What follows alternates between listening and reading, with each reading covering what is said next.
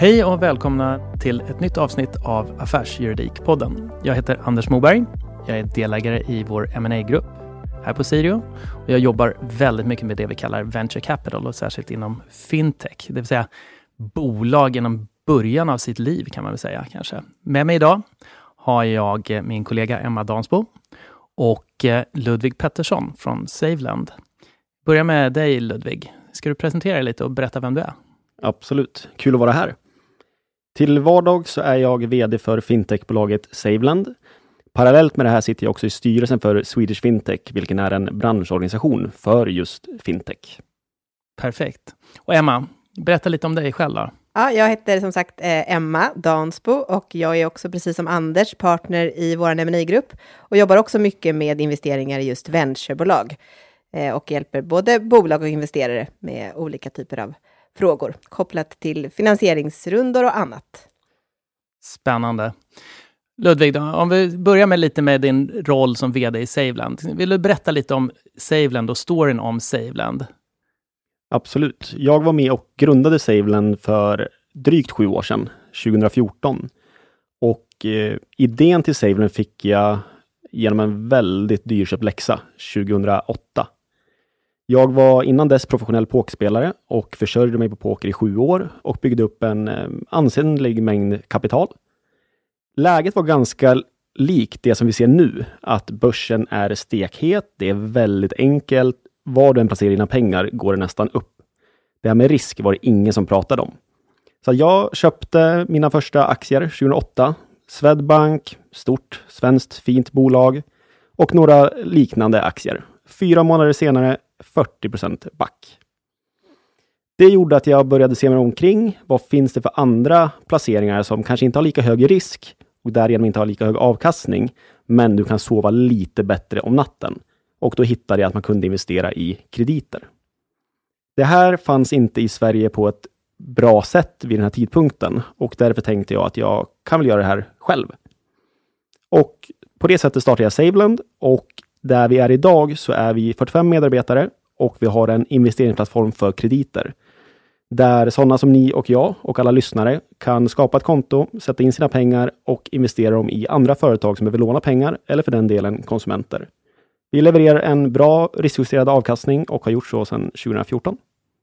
Och det var dagens eh, reklaminslag från Saveland.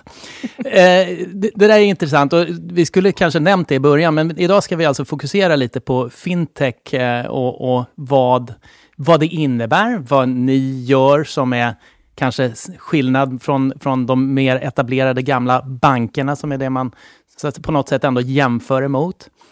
Eh, vad, vad, är det egentligen ni gör då som är bättre än de traditionella bolagen, än de traditionella bankerna? Vi hade i en tidigare, ett tidigare avsnitt representanter för eh, SEB här och pratade om deras satsningar och, och sådär.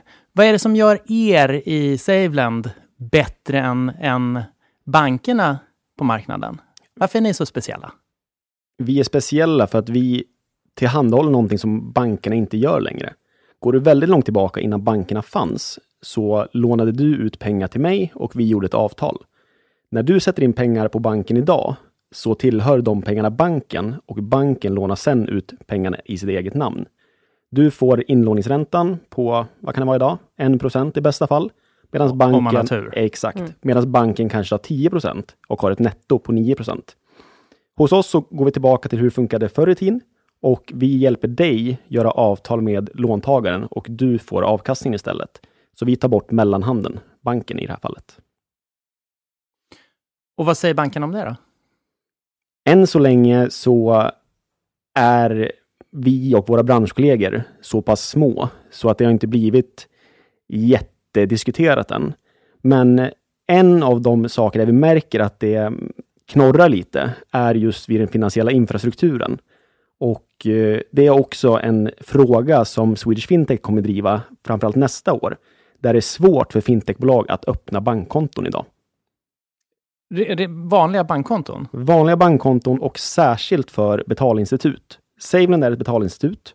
25 procent av medlemmarna i Swedish Fintech är betalinstitut. Och det är vår vardag, att vi kan bli av med kontona. För det där har ju åtminstone jag hört talas om tidigare i vad gäller till exempel vissa spelföretag eller vissa företag som kanske sysslar med branscher som inte är helt acceptabla, till exempel eh, ja, viss porrindustri och sådana saker, att de har haft svårt att öppna, mm. alltså få banktjänster. Men det du säger är alltså att även ni som är egentligen verksamma inom angränsande marknader, ni har alltså svårt att få bankkonton? Precis, och det ska ju tilläggas att vi också står under Finansinspektionens tillsyn. Så vi har ju dem som tillsynsmyndighet och det bankerna vanligtvis skyller på är att vi är en hög risk eh, för att utnyttjas för penningtvätt. Men vi lyder under samma regler och har samma tillsynsmyndighet. Så det är något som inte är, eh, rimmar helt väl här. Intressant. Mm. Intressant. Och om vi då hoppar över till din roll i Swe Fintech. Mm. Du sitter i styrelsen där. Yes. Vad vill SweFintech och vad gör ni? Det, det, låter lite som att eh, nu är du inne som representant för, för Saveland här i SweFintech. Är det så det funkar?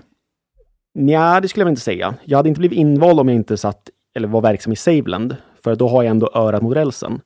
Men Swedish Fintech är en branschorganisation som är rätt stark, skulle jag ändå vilja påstå. Innan vi fanns, vi grundades för några år sedan, så var Bankföreningen väldigt starka och några andra föreningar av de här gamla legacy-instituten, om man, om man går så långt. Men som ett enskilt fintechbolag att driva de här frågorna var omöjligt. Nu är vi en stark enad kraft och eh, närmar oss 100 medlemmar om jag inte är helt missinformerad. Och nu kan vi faktiskt påverka på riktigt. Ja, så, vad, så vad är det Swedish Fintech vill göra som, som eh, ni inte kan göra inom ramen för Saveland? Vi vill vara en enad front för fintechbolagen i Sverige och kunna vara en enad röst mot myndigheter och eh, hjälpa till att driva frågor som för varje enskilt bolag kanske är för dyrt eller för kostsamt eller de har inte möjlighet att påverka som individuellt bolag. Men när tillräckligt många samlas och det blir en enad kraft, då kan vi vara med och göra skillnad. Men, men, Sverige har ju ändå historiskt sett åtminstone varit känt som eh, något av en, en, en av de stora hubbarna i världen. Liksom Berlin, ja, allt vad det nu kan, Israel, Boston, allt vad det nu är. Eller New York för den delen och Silicon Valley också för den delen. Men, men ändå, Sverige är känt för att ja, men det, vi har mycket bra techbolag. Vi har särskilt mycket bra fintech. Vi, vi har flera stycken som är nu kanske på väg att om vi tar Klarna till exempel, det är mycket prat om att de ska noteras här framöver och så vidare. Det är ändå någonting måste ju vara rätt. Ja, men det har inte med regeringen eller Finansinspektionen att göra. Det har, eller jo, med regeringen om vi går tillbaka till att vi hade hem-PCn på 90-talet. Vi har väldigt hög eh, datorpenetration och bredbandspenetration i Sverige. Och det har gjort att vi kan utveckla saker. Sen har vi, hade vi turen att BankID och Swish kom ganska tidigt. Mm. Men vi ska komma ihåg att det här är privata aktörer. Det är inte något statligt. Så de har hjälpt till att driva innovationen i Sverige framåt. Det hade, ja, om vi, som sagt, vi pratade med eh, SEB Venture här tidigare eh, och i en tidigare podd och då pratade de just om, eller Kristina som var gäst då, pratade just om det att det saknas vissa komponenter för att Stockholm verkligen ska bli en, en riktig fintech-hubb och att vi lever mycket på att det just finns den här eh, generella plattformen som tech hubb och att det är det vi har lyckats med. Men att det just saknas de här kanske mera aktiva eh, åtgärderna från, från statligt håll eh, och för att verkligen hjälpa till och skapa det där sista. Eh, håller du med om, om den spaningen? Helt klart, och det är någonting som Swedish Fintech som branschorganisation driver väldigt mycket. Att Finansinspektionen behöver ändrat mandat att få vara mer rådgivande och stöttande i processer. Ställer du en fråga till eh, Finansinspektionen idag så är svaret det ska ni veta själv, mer eller mindre. Medan i andra länder så har de eh, vad de kallar sandlådor där du kan verka med betydligt mindre krav på tillstånd och få stöttning och guidning i uppstartsprocessen av Finansinspektionen. Och det gör ju att fler bolag vågar testa. Det är mycket lägre barriärer och framför allt blir de bolag som kommer ut på marknaden mer compliant. Så har man ju till exempel i Storbritannien där den alltså, motsvarigheten till Finansinspektionen har precis det systemet. Och, och, så funkar det ju för mig som både egentligen eh, privatperson eller om jag var företag, skulle jag kunna ringa Skatteverket till exempel och få rådgivning på ett sätt som funkar väldigt, väldigt bra. Så funkar det inte med Finansinspektionen alltså? Nej, och det är lite kul att du nämner Skatteverket, för i en rapport som presenterades häromveckan så tar de upp just UKs finansinspektion och svenska Skatteverket som exempel på bra myndigheter där man får bra bemötande och du får svar på dina frågor. Och det har jag själv upplevt med Skatteverket. Vi har haft ganska mycket komplicerade skattefrågor där vi har kunnat skriva ihop en fråga och få svar inom några veckor och sluppit använda sådana som oss. Precis, vad jag tänkte säga. Nej, men det är väl en av de problemen man har sett, att det kräver mycket, för bolag i väldigt tidigt skede så krävs det mycket extern rådgivning för att klara av de här processerna och att det är en av utmaningarna för många fintechbolag. Eh, och att ja, man skulle behöva hjälp för att eh, slippa de kostnaderna, för man har mycket annat som man kanske behöver satsa sina pengar och resurser på. Precis, bara som jämförelse, när jag startade Saveland 2014 så gjorde jag det med 130 000 kronor som insats. Förra året började jag tänka, vad skulle krävas idag? Och jag kommer inte under 5 miljoner i startkapital. Och det har att göra med att det är mycket mer regleringar nu, på gott och ont. Och framför allt så är det så mycket kostnader där du behöver ha hjälp av extern hjälp som liksom drar och sticker iväg. Så att 5 miljoner skulle jag behöva för att starta Saveland idag. Så från 140 000 till 5 miljoner på sju år? Ja, och det sägs att vi inte har inflation. Intressant. Så, så vad är, om vi tittar på dina två roller då, då under de närmaste ett, två åren, vad är, vad är era utmaningar, både från Salmans sida och från Swedish Fintech? Liksom, är det samma utmaningar från, från båda hållen, eller är det olika utmaningar på bolagssidan och på, så att säga, den här intresseorganisationssidan? Det är lite olika, men om jag börjar med Saveland, så för våran del så är det att växa fort men kontrollerat. Och vi har ett uttalat mål om att växa 20 till 40 procent eh, omsättning varje år. Och då ska vi göra det här med våra tillstånd och se till att vi växer fort, men inom våra ramar. Och det är inte alltid helt enkelt, för ju fler du adderar, vi har gått från 23 anställda till 45 anställda under förra året, kommer upp mot närmare 60 anställda i år, så måste du hålla internutbildningar. Du måste ha någon som har tid att göra de här internutbildningarna. Det kommer nya regelverk som hålla koll på, så det är den, den svåra biten. Och där är så här, det driver också kostnader, men absolut inte intäkter. Hur mm. ser ni på en internationell, den internationella marknaden? Eh? Det, vi håller på att blicka eh, mot det. Vi är verksamma i Polen och eh, även i Finland. Och vi har kollat med en bredare europeisk utrullning. Och här hade man kunnat tro att det är samma regelverk, för vi är liksom en, en stor tillsynsmyndighet i EU. Men så är det inte riktigt. Det är mycket regler som man tror är exakt likadant, men du har nationella anpassningar. Just det. Så även där finns det regelverket som sätter, eller gör det svårare för er att göra en, en internationell utrullning snabbare. Ja, precis. Men var det inte det här PSD2, det här berömda direktivet eh, från EU-håll skulle liksom ta hand om? Jo, det lät ju fantastiskt när, de när det presenterades och när det skulle implementeras. Sen står vi här idag, två år senare, och eh, ingenting har hänt. Det är exakt samma gamla kopplingar mot bankerna som det var, bara det att bankerna knorrar ännu mer nu. För att det är många som har byggt teknik mot bankerna på en teknik som kallas scraping, när de skrapar bankkontouppgifterna. Medan nu bankerna ska öppna upp via API så att du kan gå in datavägen och hämta detsamma. Men banken är inte där än. Och trots detta har banker börjat stängt sina API-kopplingar eller sina scraping-kopplingar, vilket drabbar väldigt många fintechbolag. Det där får du nog förklara lite, för att jag vet ju att um, med PSD2 så ska det finnas en, en sorts standard där, där den finansiella, eller den nya aktören ska kunna koppla in sig på ett, ett givet sätt till, ja, i det här fallet bankerna. Och du menar då att nej, men det har man inte riktigt gjort. Precis. Utan, och vad, vad händer då, då? Tidigare, det här scraping, då så kan man säga att den här finansiella, fin eller fintechbolaget loggade in med dina uppgifter direkt in i banken. Medan nu ska de prata med banken via särskilda certifikat. Och det är den här certifikatsvägen som banken inte har öppnat upp än. Just det. Ja, precis, för det, det känner vi ju till för några år sedan när man skulle ja, det fanns ju finansiella aktörer där man kunde logga in, använda sitt bank-id Och då använder de din information för att hämta informationen från till exempel banken Exakt. och plocka ner i sin app. Och så kunde jag se min information där. Det är då det du kallar scraping antar jag. Precis. Och idag så ska man då istället prata med, via ett, ett fastställt eh, protokoll. Och där har de inte släppt tillräckligt mycket. De har, de har släppt vissa delar, men det är inte fullt fungerande. Okej. Och det här skulle vara på plats för ett år sedan. Så att nu börjar de redan nu prata på EU-nivå om att se över om de kan göra ett Open Banking-protokoll istället. För att PSD2 har inte fungerat som lagstiftaren eh, såg, tänkt. framför sig. Och det här eh, Open Banking-delen ser vi, ser vi mer fram emot, för PSD2 är bara betalkonton. Så att banken kan välja att bara visa ditt eh, lönekonto exempelvis, men den ger inte oss som fintech-aktör rätt att se dina bolån eller dina försäkringar. Så att hade vi varit en försäkringsjämförelsesajt så kan inte vi använda PSD2 idag för att sänka dina månadskostnader för försäkring.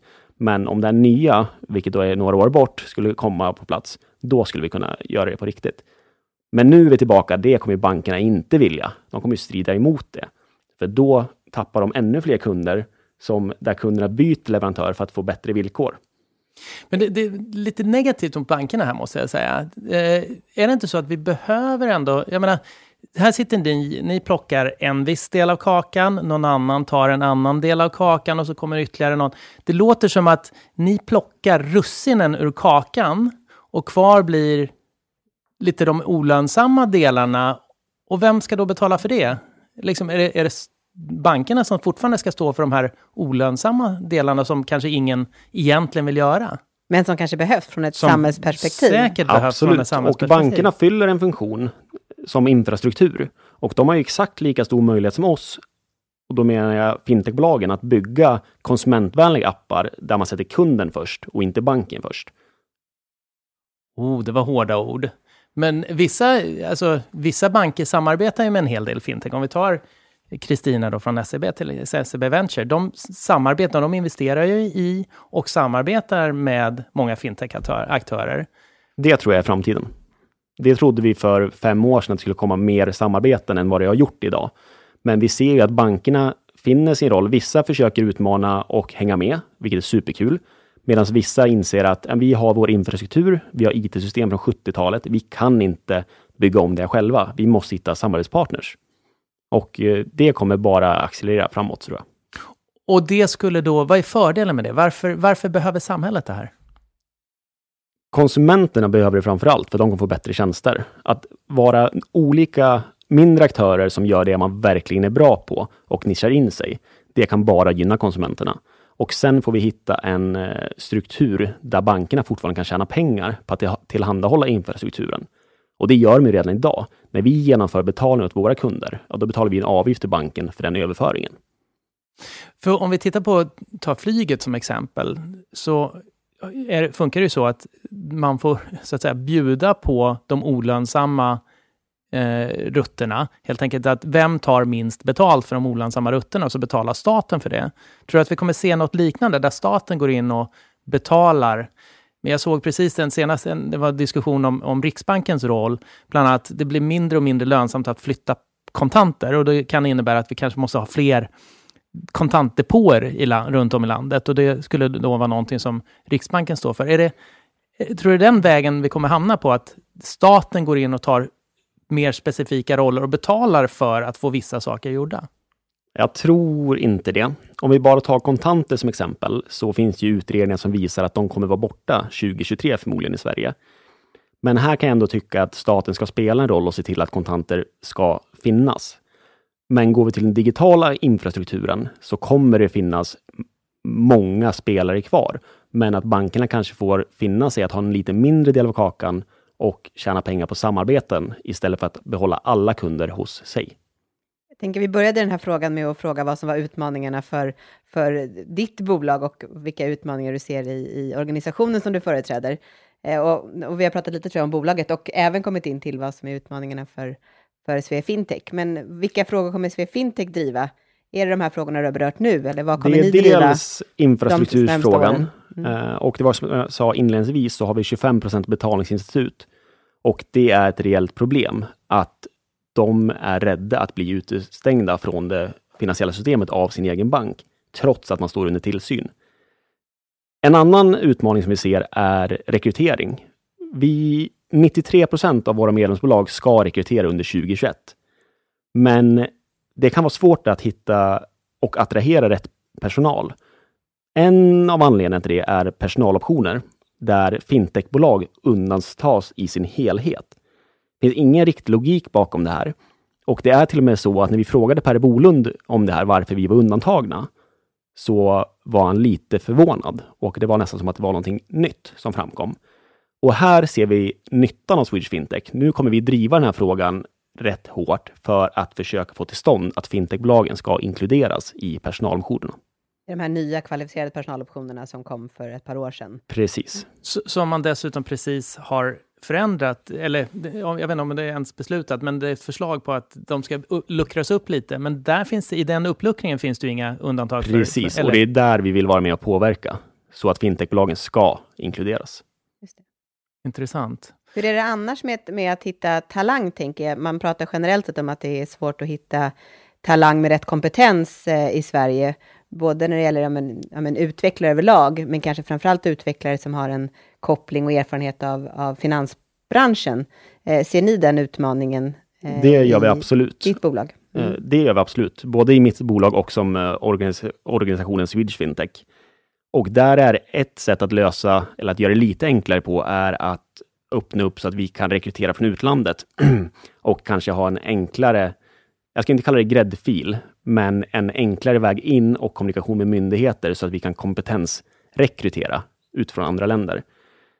En annan sak som jag tror det är Litauen som har, de har en fintech master, alltså en blandning av finans och tech på högskolan.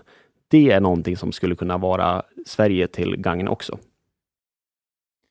Har ni pratat med universiteten om det här? För i mångt och mycket är det ju ändå universiteten som själva bestämmer vilka, hur deras utbildningar ser ut.